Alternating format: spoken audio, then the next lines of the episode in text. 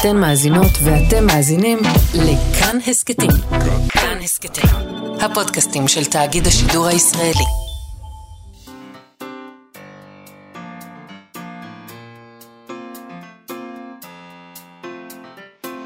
מה שכרוך עם יובל אביבי ומה יעשה לה.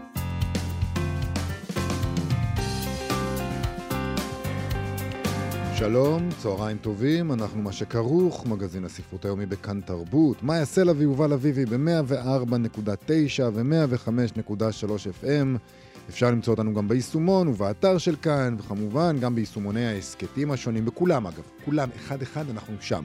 איתנו באולפן המפיקה שלנו, תמר בנימין, ועל הביצוע הטכני, יובל יסוד. שלום לשניכם. שלום, יעשה לה? שלום לך, יובל. אה, אנחנו נדבר היום עם המשוררת לריסה מילר על ספרה השני, פירה, שראה אור בהוצאת ברחש. אה, הרי דניאל עוז ערך אותו, היא כותבת שם ככה, למשל, כואב לי כל הגוף מלשבת ולהקשיב לשירה. חד משמעית. חד משמעית, פשוט ככה. ואני מבינה בדיוק למה היא מתכוונת, כן. אגיד לך את האמת. כן. אה, אז אנחנו נדבר איתה על כאבי השירה ועל הכפר הסובייטי, אה, שעליו היא כותבת, יש לי משיכה על הכפר הסובייטי כפי שהוא בדמיוני, אם זיכרוני אינו מטעה אותי, והיא כותבת שם גם על הכמיהה לתפוחי אדמה. ואני אני הרגש- מבינה גם את זה, כן, מאוד. זה מדברר את כל הסייקי שלי, את כל ההלך רוח הפנימי שלי, זה, זה מדברר. אני במשפחה, כן, אני אף פעם לא, לא, לא הגעתי מהכפר הסובייטי, אבל זה נשאר אצלי ב-DNA, מפולין. זה בזיכרון הקולקטיבי. ב- אני חייב תפוח אדמה שש פעמים ביום, אני לא יכול. כן, זה אוכל מאוד מנחם. ופירה בכלל, זה, זה, זה, זה, זה פסגת כל מה שבן אדם יכול לשאוף אליו. נכון. חתיכה טובה של פירה. נכון. אני, אין, אני, לא נעים לי להסכים איתך. כן. זה צריך לסגור את העסק פה, אם אנחנו אנחנו- מסכימים זה היה. התוכנית להיום, אנחנו מכאן ועד... לא, סתם, אנחנו נשארים. אנחנו? נשארים, ואנחנו נדבר אחרי שנדבר עם לריסה מילר, נדבר עם העורך של הספר שלה, המשורר דניאל עוז, אבל אנחנו לא נדבר איתו על לריסה מילר, אנחנו נדבר איתו על תרגום בפינת המתרגמים שלנו. דניאל עוז השתתף אה, בפסטיבל השירה הבינלאומי המקוון מבית מקום לשירה. הפסטיבל הזה התחיל אתמול בעצם, כן. אה, הוא ממשיך היום ומחר, הוא מקוון, כל אחד יכול להיכנס. מכל מקום נחמד. בעולם. אה, אז אנחנו נדבר עם דניאל עוז על התרגומים שלו למשורר האירי פול מלדון, אבל אנחנו מתחילים עם משהו אחר לגמרי, עם המלחמה באוקראינה ועם הפליטים שחלקם מבקשים מקלט בארצנו, המתקשה. להציע מקלט, משום מה. אה, וכבר דיברנו כאן על ההחלטה של השופטת דוקטור מיכל אגמון גונן בעניין הזה, החלטה שבה היא שילבה שיר של ויסלבה שימבורסקה. והשופטת הזאת ממשיכה אה, השבוע עם אלתרמן ועם עוד החלטה שאנחנו יכולים אה, להתגאות בה. נכון, אנחנו הזכרנו כבר את פסק הדין הזה אתמול. אתמול, נכון. בפגישה שלנו עם פרופסור דן לאור ונתן סלור, ועכשיו פשוט תשמעו את העניין. אה, מדובר באישה שהגיעה לישראל עם בתה, כלתה ונכדתה מקייב, דרך פולין אליה נמלטו, כך מתארת השופטת. בעלה נותר בקייב, מגויס להגנה האזרחית, גם בנה נותר באוקראינה, וכשהם הגיעו לישראל, הותרה הכניסה של הבת, הכלה והנכדה, וכניסתה של האישה הזאתי סורבה. הנימוק המרכזי לסירוב, כפי שמופיע בתגובת הרשות לערר בבית הדין, הוא שהייה בלתי חוקית של המבקשת בישראל בעבר במספר הזדמנויות, ואף ניסיון כניסה שסורב בעבר, הרבה לפני המלחמה בשנת 2016. אמרנו לך כבר לא. בדיוק. אז אה, סליחה. אל ו- תגידי, אל תגרמי לנו להגיד לא פעמיים, באמת. שלוש אפילו, יש לומר, אולי. לא? לא, פעם אחת היא הייתה בלתי חוקית. זה אה. כבר שם אותה באיזה מקום של, הבנתי. טוב, יש עלייך איקס. אה. לא תיכנסי אלינו לעולם. וזה שהנסיבות השתנו ויש עכשיו מלחמה, זה בשך. אה, ת- תבואי בטענות רק לעצמך. בדיוק. לא היית צריכה לרמות אותנו. עוד עלה בתשאול שנערך לה, כי בתשאול שנערך לה היא טענה שזו הפעם הראשונה בישראל, וכשנשאלה מדוע היא שיקרה בעניין הזה, היא לא ידעה להשיב. אני יודע למה היא שיקרה. כי יש מלחמה באוקראינה, והיא פחדה שאם ידעו שהיא שיקרה, לא ייתנו לה להיכנס, ולא כן. להיכנס זה למות. נכון. אז זה הסיבה שהיא שיקרה. זה נשמע תשמע, לי אה, די סביר. יש לנו אה, פה זמן וכוח וחשק, אני רואה, על הממסד שלנו לבירוקרטיה, לבירוקרטיה. הקטנוניות הבירוקרטית הזאת, אה, הלא תיאמן. אה, אתה יודע, שאנחנו יושבים עם הטפסים ואומרים, למה שיקרת, ולמה זה, ופעם אמרנו לך לא כבר, וכל הדבר הזה. כן. ונותנים, מפרידים משפחה, כן. אתם תיכנסו זה ואת מדהים. לא. כאילו, מה זה- עכשיו אמרה הבת שלה לעשות? כן, הבת שלה נכנסת ואומרת, אה, אימא, צ'או. ביי, אימוש. צ'או, אימא, היה טוב עד עכשיו. השופטת דוקטור מיכל אגמון אה, גונן כותבת כך: אין מחלוקת כי בזמנים רגילים חשש להשתקעות ככל שהוא מעוגן בראיות מהווה עילה לסירוב כניסה לישראל. השאלה אם כך הם פני הדברים גם במצב מלחמה, כאשר המערערת מבקשת להיכנס לישראל ולהישאר בה עד שוך הקרבות, או לפחות לתקופה של שלושה חודשים. כללים שיפים לימי שלום אינם מתאימים תמיד לעיתות מלחמה. המשורר הלאומי, ככה היא כותבת, נתן אלתרמן, כתב על הצלת יהודי דנמרק על ידי ממשלת שוודיה, שאפשרה את כניסתם בשנת 1943 בשירו הלשון השוודית. וכך היא. והיא מצטטת את היא השיר. מצטטת את השיר. אנחנו נקרא אותו עכשיו. כי רבות מדינות כבר כהנה הכריזו, אך הללו הראו את גנזי לשונן במילות אינפילטרציה וקווטה וויזה, רק בשוודית מילים שכאלו אינן. מדינות בעולם יש גדולות שבעתיים, ומקום בהן רב למחסה ומלון. אך לפני הצילן איש תובע ממים, אוהבות הן תמיד להביט במילון. יען שפת מילונן סנסגונית כפרפרי. יש קצה גבול היכולת או כושר קליטה. רק בשוודיה עוד חי המנהג הברברי להציע להלך כוס תה ומיטה. ולכן הגדרות היא איננה בוררת ואיננה מרבה דקדוקי מנגנון. היא כותבת פשוט, הכניסה מותרת, ויסלח לה האל על דלות הסגנון. לפעמים הסגנון זה לא מה שחשוב. הידד לשופטת, אה, שהחליטה את מה שהחליטה ושהביאה את השיר הזה. ואגב, ראיתי שלמשל אבישי גרינצייג בגלובס לא התרשם. אה, הוא כתב שהשופטת דוקטור מיכל אגמון גונן שברה שיא חדש של בריונות משפטית ואקטיביזם שיפוטי. הוא כתב, חשבתי שכבר ראינו הכל בנוגע לאקטיביזם השיפוטי, אך אז הגיעה דוקטור אגמון גונן ולימדה אותי שעוד לא ראינו כלום. אה, אז אתה יכול לראות, יהדות השרירים, פנים רבות לה. אה, יש לה גם את הפנים האלה של אדם שחושב שלא ראינו כלום, הוא אומר את זה ב- אה, בקטע רע כמובן. ברור. לא ראינו כלום. אז זה זוועת, דוקטור מיכל אגמון גונן. אה, אני, אתה יודע, אני, השופטת הזאת פשוט אה, מרחיבה את ליבי, אני מודה. את, אתה חושב לעצמך, הכל רע ומר, ואין צדק, ואין לב, ואין שכל, ואז באה השופטת מיכל אגמון גונן ומוכיחה שיש אותה. כן, ויש שופטות בירושלים. כן.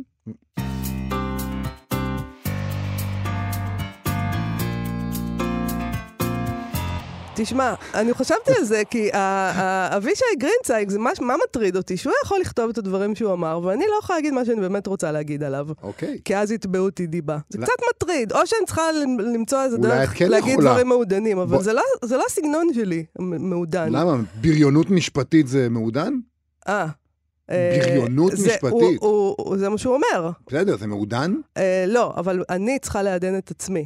הוא אה. יכול להגיד את מה שהוא, ואני אומרת, אני צריכה לעדן את עצמי ולא להגיד את מה שאני רוצה להגיד עליו. בואי תנסי כדי- ונראה מה קורה. לא, אבל העורך דין שלי פשוט עסוק כרגע כן, בדברים יש לו- אחרים. יש לו דברים יותר חשובים על הראש, אז טוב. נדחה את זה למלחמה הבאה. בסדר, אנחנו מה שכרוך, יובל אביבי ומאיה סלע, עם מגזין הספרות היומי של כאן תרבות. Uh, הספר הראשון שלה, ארץ הפז, ראה אור בהוצאת מעיין בשנת 2019. עכשיו רואה אור הספר השני של אריסה מילר, שמו בישראל, פירה. שאני מודה, שאני בהתחלה קראתי פירה. כמו אופירה וברקוביץ', כאילו, שזה מצא חן בעיניי, וגם ביני לבין עצמי עדיין, אני עדיין קוראת לו ככה, פירה. אני חושבת רואה את. הקבץ האותיות פ', י', ר', ה', וכל מה שאני חושב עליו זה פירה. פירה עם שניצל. אוף. לריסה מילר היא גם ציירת, אה, והיא כותבת בשיר ערב שירה ככה: כואב לי כל הגוף, מלשבת ולהקשיב לשירה, עם הום מוזיקלי מלטף את הערב היתושי, ויש אור בצורת קול וקול בצורת מדרגה. זה פשוט יפה מאוד. מהמם. שלום לריסה מילר. שלום. אהלן. אה, שמחתי לשמוע גם את ההקדמה שלכם וההזדהות עם התפוחי האדמה.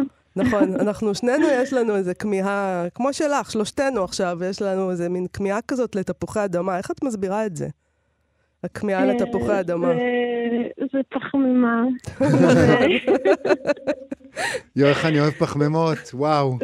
ולא יודעת, זה, זה יוצא מהאדמה, וזה משהו בסיסי כזה, ומנחם, וחם, ובאמת, אצלי זה גם מתקשר לשורשים, לא גם ספציפית הסובייטים, אבל לא רק, כאילו משהו שורשי כזה, ו...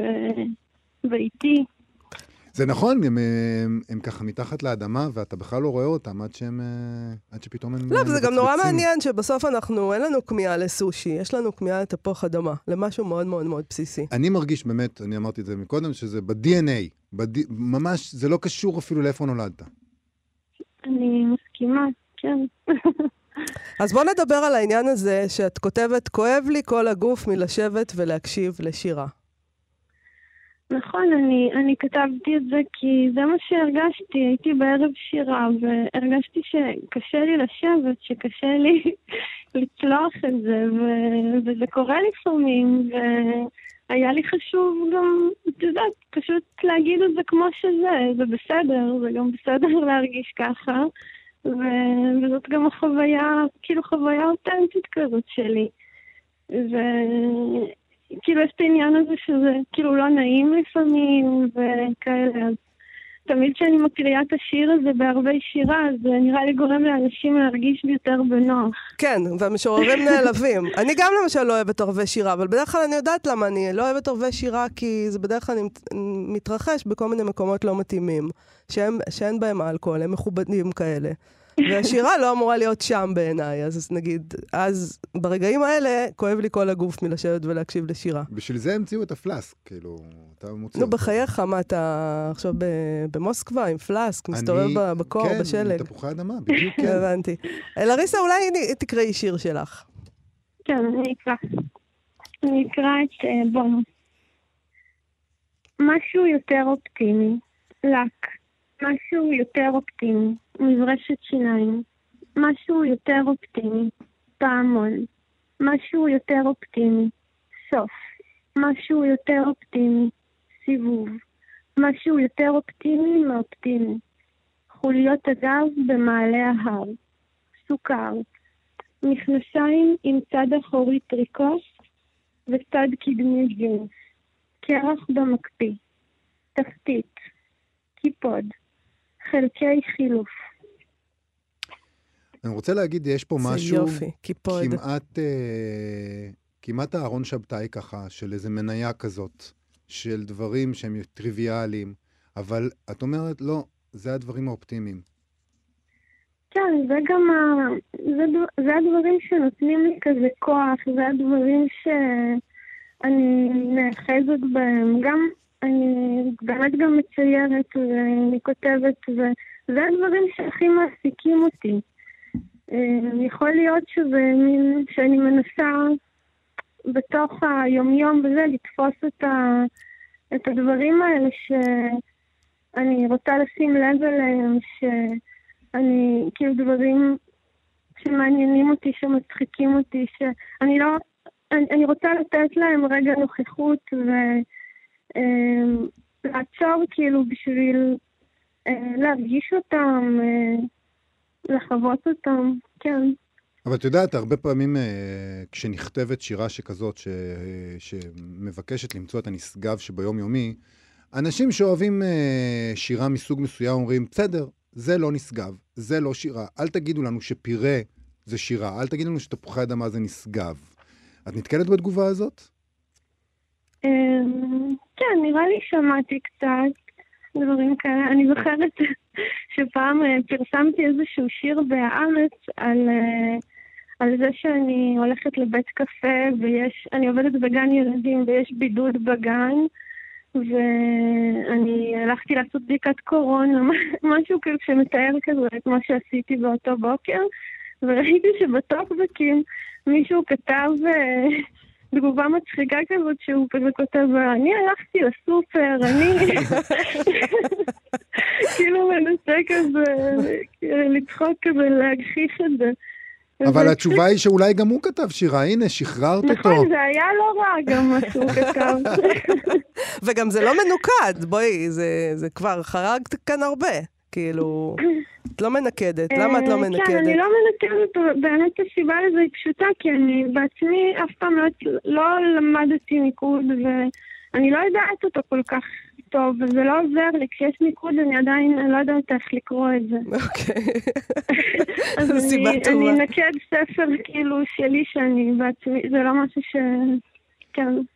זה נורא יפה, את מדברת על בעצם על אותנטיות, גם בדרך שבה את כותבת את השירים וגם נגיד בהחלטה לא לנקד. מה אתם מבקשים ממני לנקד עכשיו? אני לא יודעת ניקוד, מה זה המשחקים האלה? הנה, זה מה ש... ככה אני עושה את זה.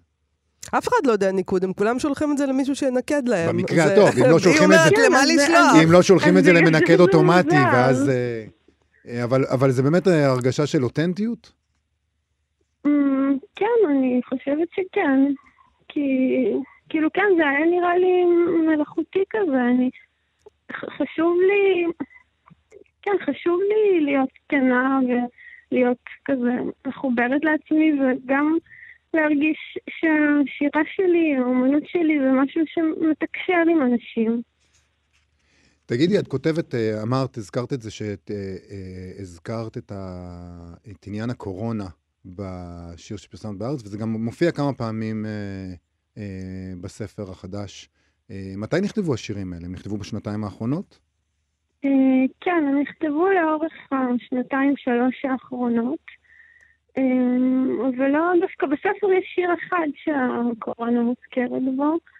אה, ולא, אני כאילו...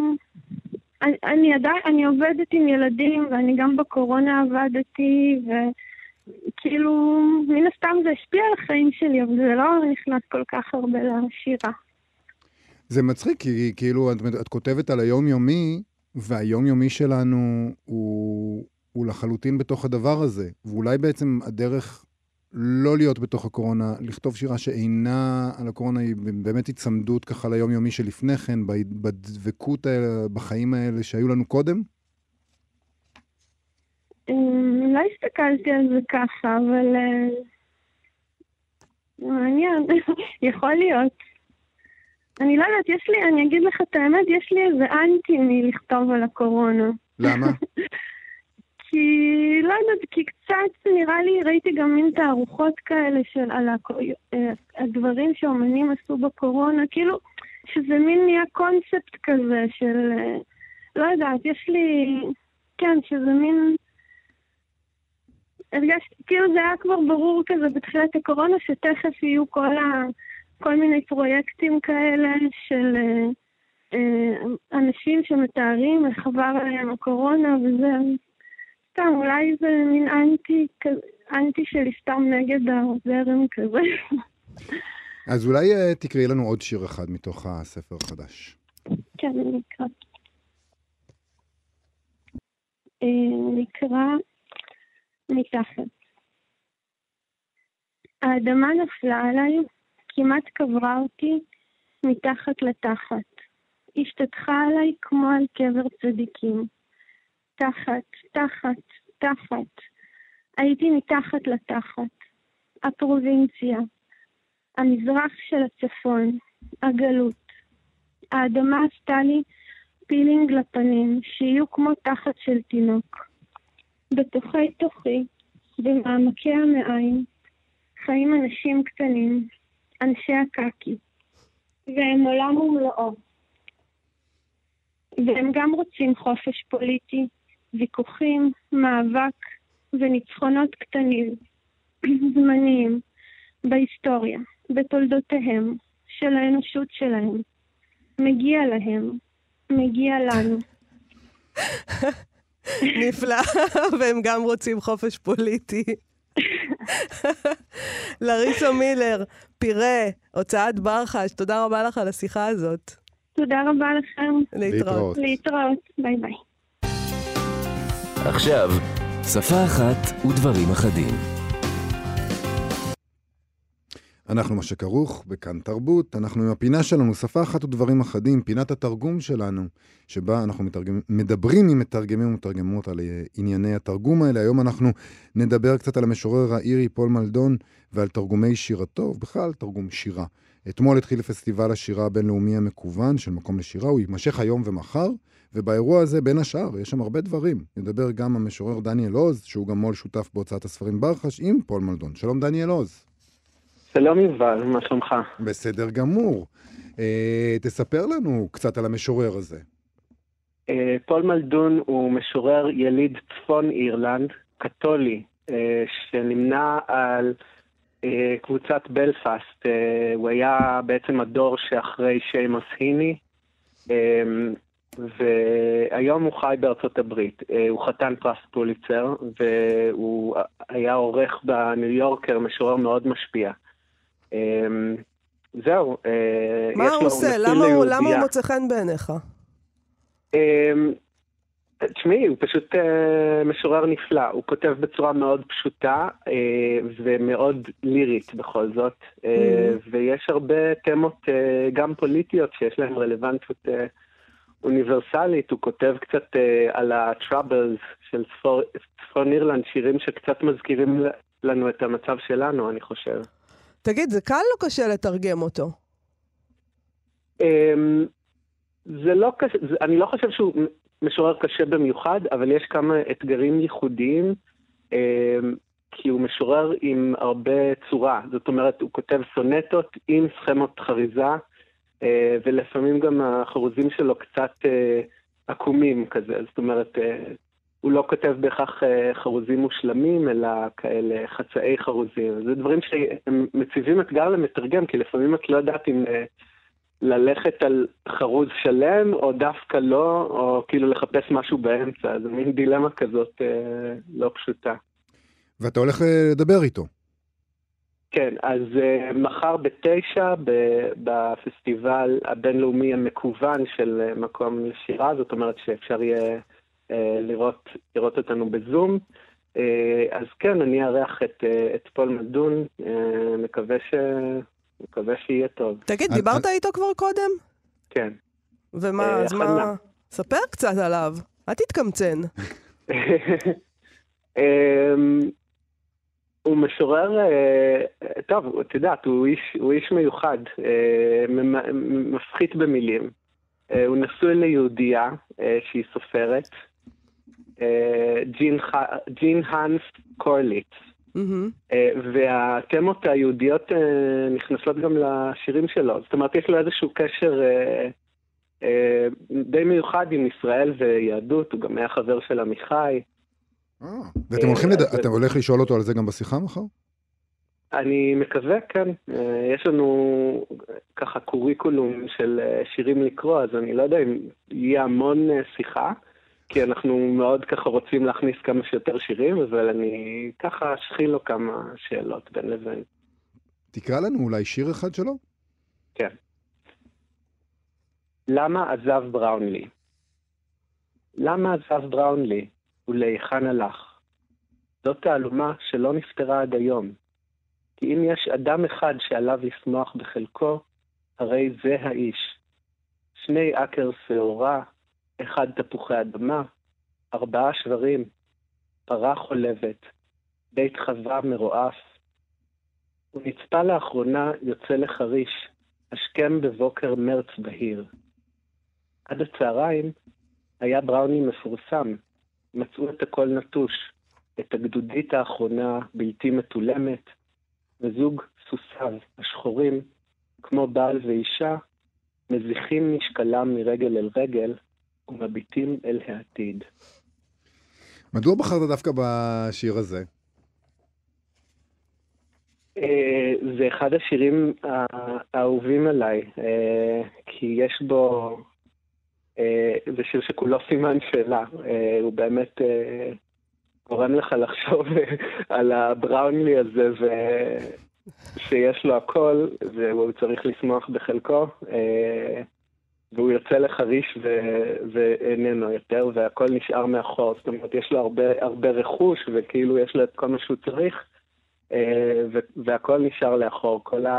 מאחור, כל האושר שלו והזוג סוסים האלה שמחכים לו.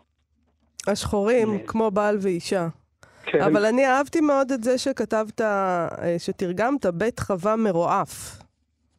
מרועף. זה יפה, זה חידוש שלך, לא? אה, המרועף לא הזה. יודע, אני לא יודע, אני, אם זה, אם זה, אני קצת אתפלא אם זה, אם זה תחביט, אבל אה, קח את הקרדיט, מה אכפת לך? בסדר, יאללה, נשמע. דניאל עוז, מחר אתה תדבר עם פול מלדון אה, בפסטיבל השירה הבינלאומי של מקום לשירה. המקוון. המקוון, זהו, כל אחד כולם- יכול לשבת בבית ולראות מ- את זה בסופה. מכל מקום בעולם, ממש... אה, מכל מקום בעולם, ואפילו- כמו שמאזינים לתוכנית הזאת בכל מקום בעולם. בדיוק, הכל ככה מקוון תוכלו גם עכשיו. לשמוע את דניאל עוז. דניאל עוז, תודה רבה לך על השיחה הזאת. תודה לכם. ביי, להתראות. להתראות. ביי.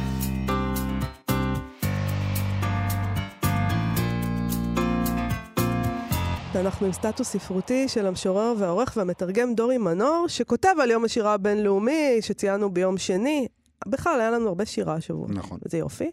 Uh, הוא כותב ככה אצלו: לכבוד יום השירה הבינלאומי העלו אתמול בעמוד של הספרייה הלאומית שאלה מעניינת. מהי השורה היפה ביותר בשירה העברית? יש שם הרבה מאוד תשובות, ואפשר ללמוד מהן לא מעט על האופן שבו נתפסת שירה בישראל.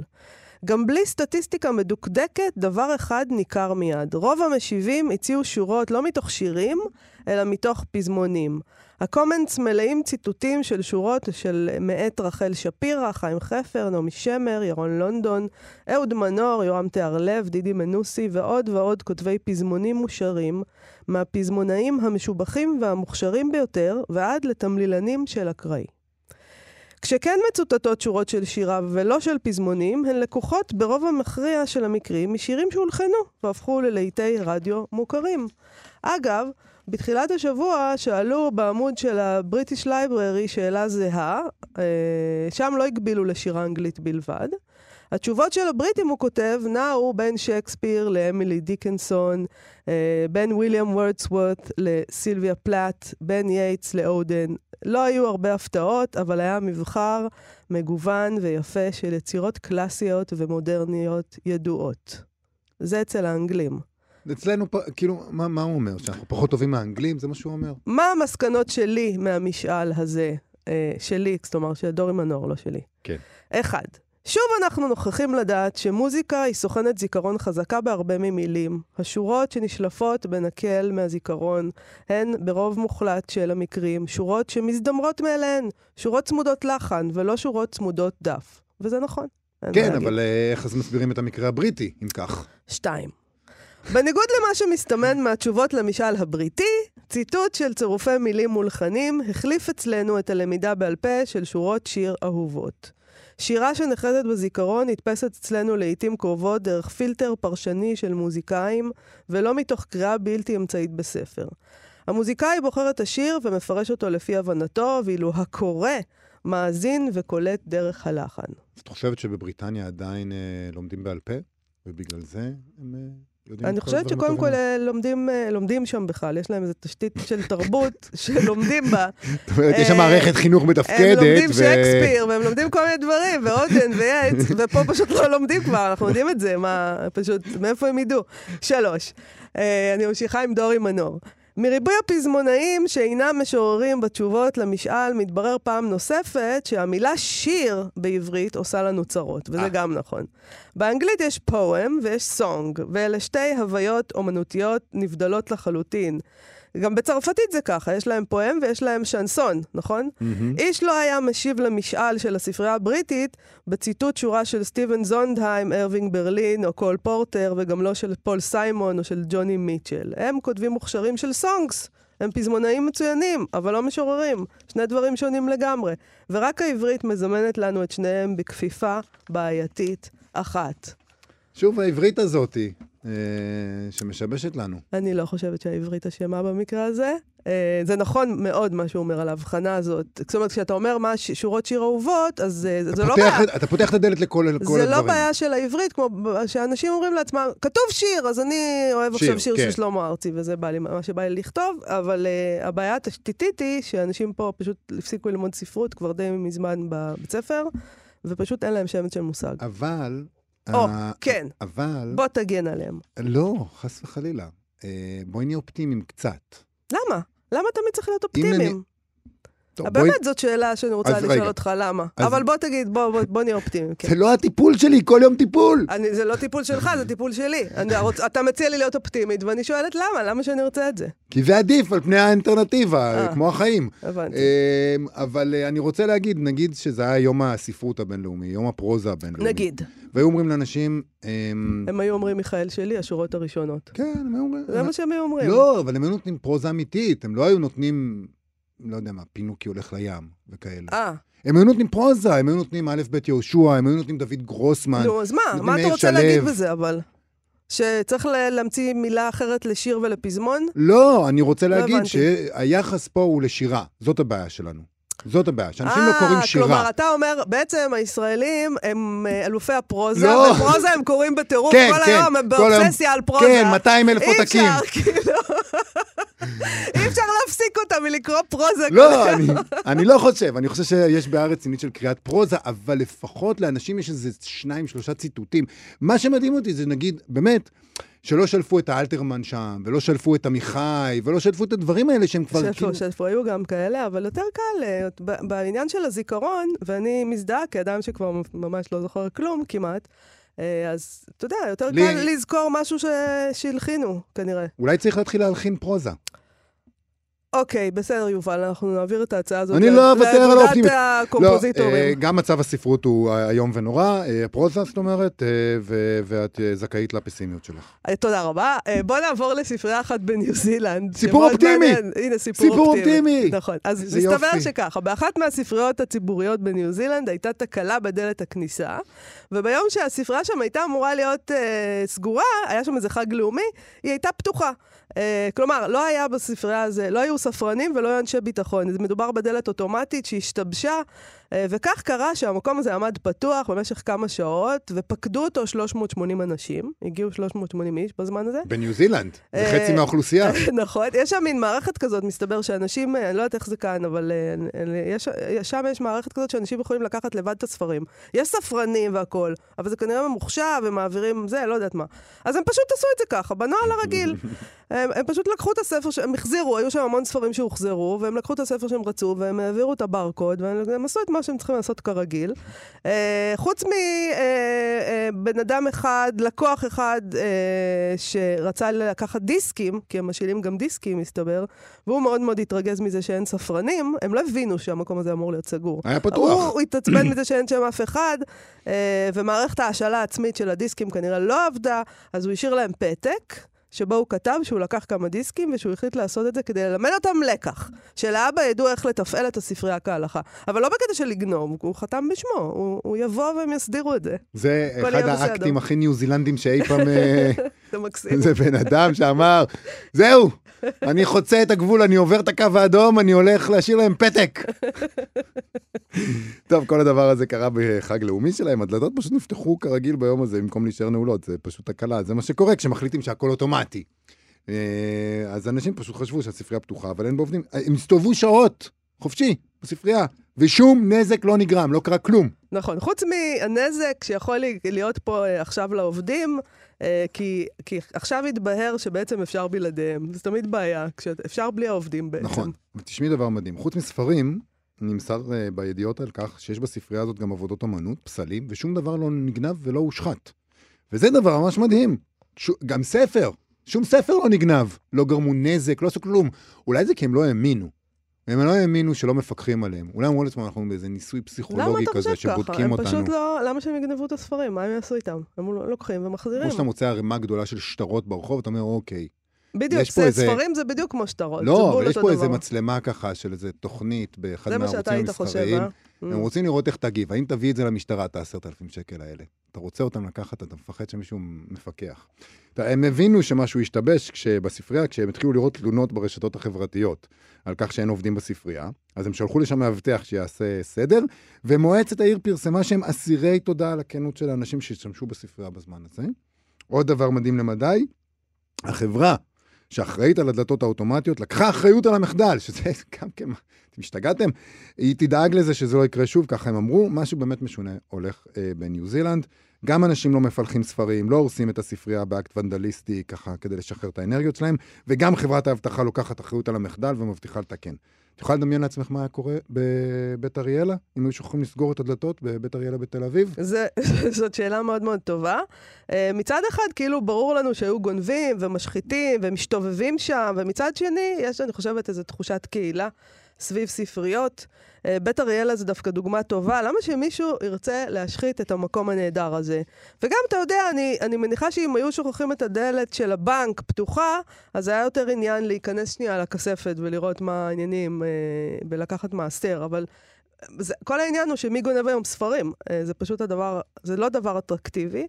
אה, אני, אני יכולה לדמיין שהיה מדגדג לי ככה לפלח, לא לגנוב, לפלח משהו מבית אריאלה. אה, אבל זה מקום כל כך חביב עליי, שאני מניחה שהייתי חושבת שעדיף שזה יישאר שם. אצלי זה ממילא יצבור אבק. עמדתי בפני הדבר הזה כשהנחיתי שם איזה אירוע לא מזמן, זה היה בלילה. כן. אה, הסתכלתי ככה על הספרים שם, היו שם דברים מאוד מעניינים. היה, עלה בי יצר הפילוח, אבל אה, אמרתי לעצמי, המקום הזה כל כך נחמד. לא, אני לא יכולה לפלח מפה. יכול להיות שזה מה שגם הם אמרו לעצמם, אבל זה כמו, זה בית, זה מה, זה כמו לגנוב מההורים שלך. אולי, איזה מין דבר זה? אולי האנשים שמגיעים לספרייה, הם מלכתחילה אנשים נורא מתורבתים, שיש להם אוי, מוסר, אלוהים, אל אלוהים. מוסר קשיח. ברור, האנשים שקוראים הם אנשים מאוד מתורבתים. תסתכל על כל הגרמנים אה, במאה הקודמת, אה, שהם היו תמיד אנשים מאוד מתורבתים. הם לא גנבו כלום. וקראו גתה. הם היו, המוסר שלהם היה מדהים פשוט. אני- באמת, זה אחד מה, אחת מהמסקנות המדהימות שהגעת אליהן אי פעם. אה, טוב, בסדר, אני רוצה לחשוב על עצמי שאם הייתי בספרייה במצב הזה, גם לא הייתי גונב, אבל אה, אנחנו אה, נשאיר, בוא, בוא נגיד, בוא נגיע למקום, ואז נראה איך אנחנו מתנהלים כשמונח לפנינו עשרת אלפים שקל בשקית, ונראה מה אז אנחנו עושים. אבל אין לנו זמן לחקור בדבר הזה, כי אנחנו צריכים לעבור להמלצות שלנו, נכון? כרגיל, בימי רביעי. נכון. אנחנו מסיימים עם כמה המלצות ספרותיות לסוף השבוע. היום, בשעה שבע בערב, תתקיים ההשקה על הספר היפה מאוד, מנהל בית הספר של ג'לאל עלי אחמד, שתורגם מפרסית במסגרת סדרת מכתוב אה, של מכון ון ליר, יצא בהוצאת פרדס. אה, זה יקרה בזום ובפייסבוק עם חנות הספרים סיפור פשוט. השתתפו שם פרופסור אה, חגי רם, אורלי נוי, שהיא המתרגמת של הרומן, דוקטור סימן בלסלב ועורך דין עלי חיידר ממערכת מכתוב. זה יקרה בזום, אה, זה יקרה בפייסבוק של חנות הספרים, אה, סיפור פשוט. למי שרוצה, היום בשעה שבע בערב באוניברסיטת בן גוריון בבאר שבע, במסגרת תוכנית מעיין במדבר, המשוררות תהילה חכימי ויאת אבו שמיס ישוחחו על שפה, זהות וכתיבה. מחר, בשעה 12 בצהריים, במרכז אדמונד ולילי ספרא למדעי המוח באוניברסיטה העברית בירושלים, תתחיל סדרת הרצאות של המשורר יונתן ברג, במסגרת משורר הבית של המכון לחקר המוח. Mm, אני חושב שזה נהדר, זה כאילו המכ... המכון לחקר המוח מארגן אה, הרצאות על שירה, זה יופי. בהרצאה הראשונה שלו הוא ידבר על ממשק אדם-מכונה, והוא יבדוק כיצד מתייחסת השירה להתפתחות הטכנולוגית, לאפשרות הבינה של המכונה, ולמה שיכולה להעניק השירה למפגש בין האדם ליציר כפיו. יהיו שם, זה, זה המפגש הראשון מסדרה ארוכה של אירועים, ידבר כל פעם על משהו אחר. מחר בשעה שבע וחצי בבית אריאלה בתל אביב תתקיים השקה לספר גנסין סטייל של אייל בסן, שיצא בהוצאת מוסד ביאליק. הוא מציע סגנון אחר של כתיבה ביקורתית. במקרה הזה על יצירתו של אורי ניסן גנסין כמובן. השתתפו באירוע הזה גדעון טיקוצקי, יעל סגלוביץ', מיטל זוהר, אייל בסן כמובן בעצמו, ויעקב הרשקוביץ, אה, ותהיה גם מוזיקה חיה של זאב טנא, החד פעמי. ביום שישי בשעה אחת, באוזן השלישית בתל אביב, תתקיים ההשקה לספר ארץ סלע של ריטה קוגן. ישתתפו יגאל שוורץ, ענת ענהר, מיכל חירותי, עודד וולקשטיין, אלונה קפואנו וירדן בן צור ואלפרד כהן. וזה זמננו לסיים, אני נכון, חושבת, נכון? נכון. תודה רבה למפיקה שלנו, תמר בנימין, וליובל יסוד על הביצוע הטכני. תודה לכם שהייתם איתנו. בואו לבקר בעמוד הפייסבוק שלנו ושל כאן תרבות. אנחנו נהיה פה מחר עם המיטב מהשבוע החולף. להתראות.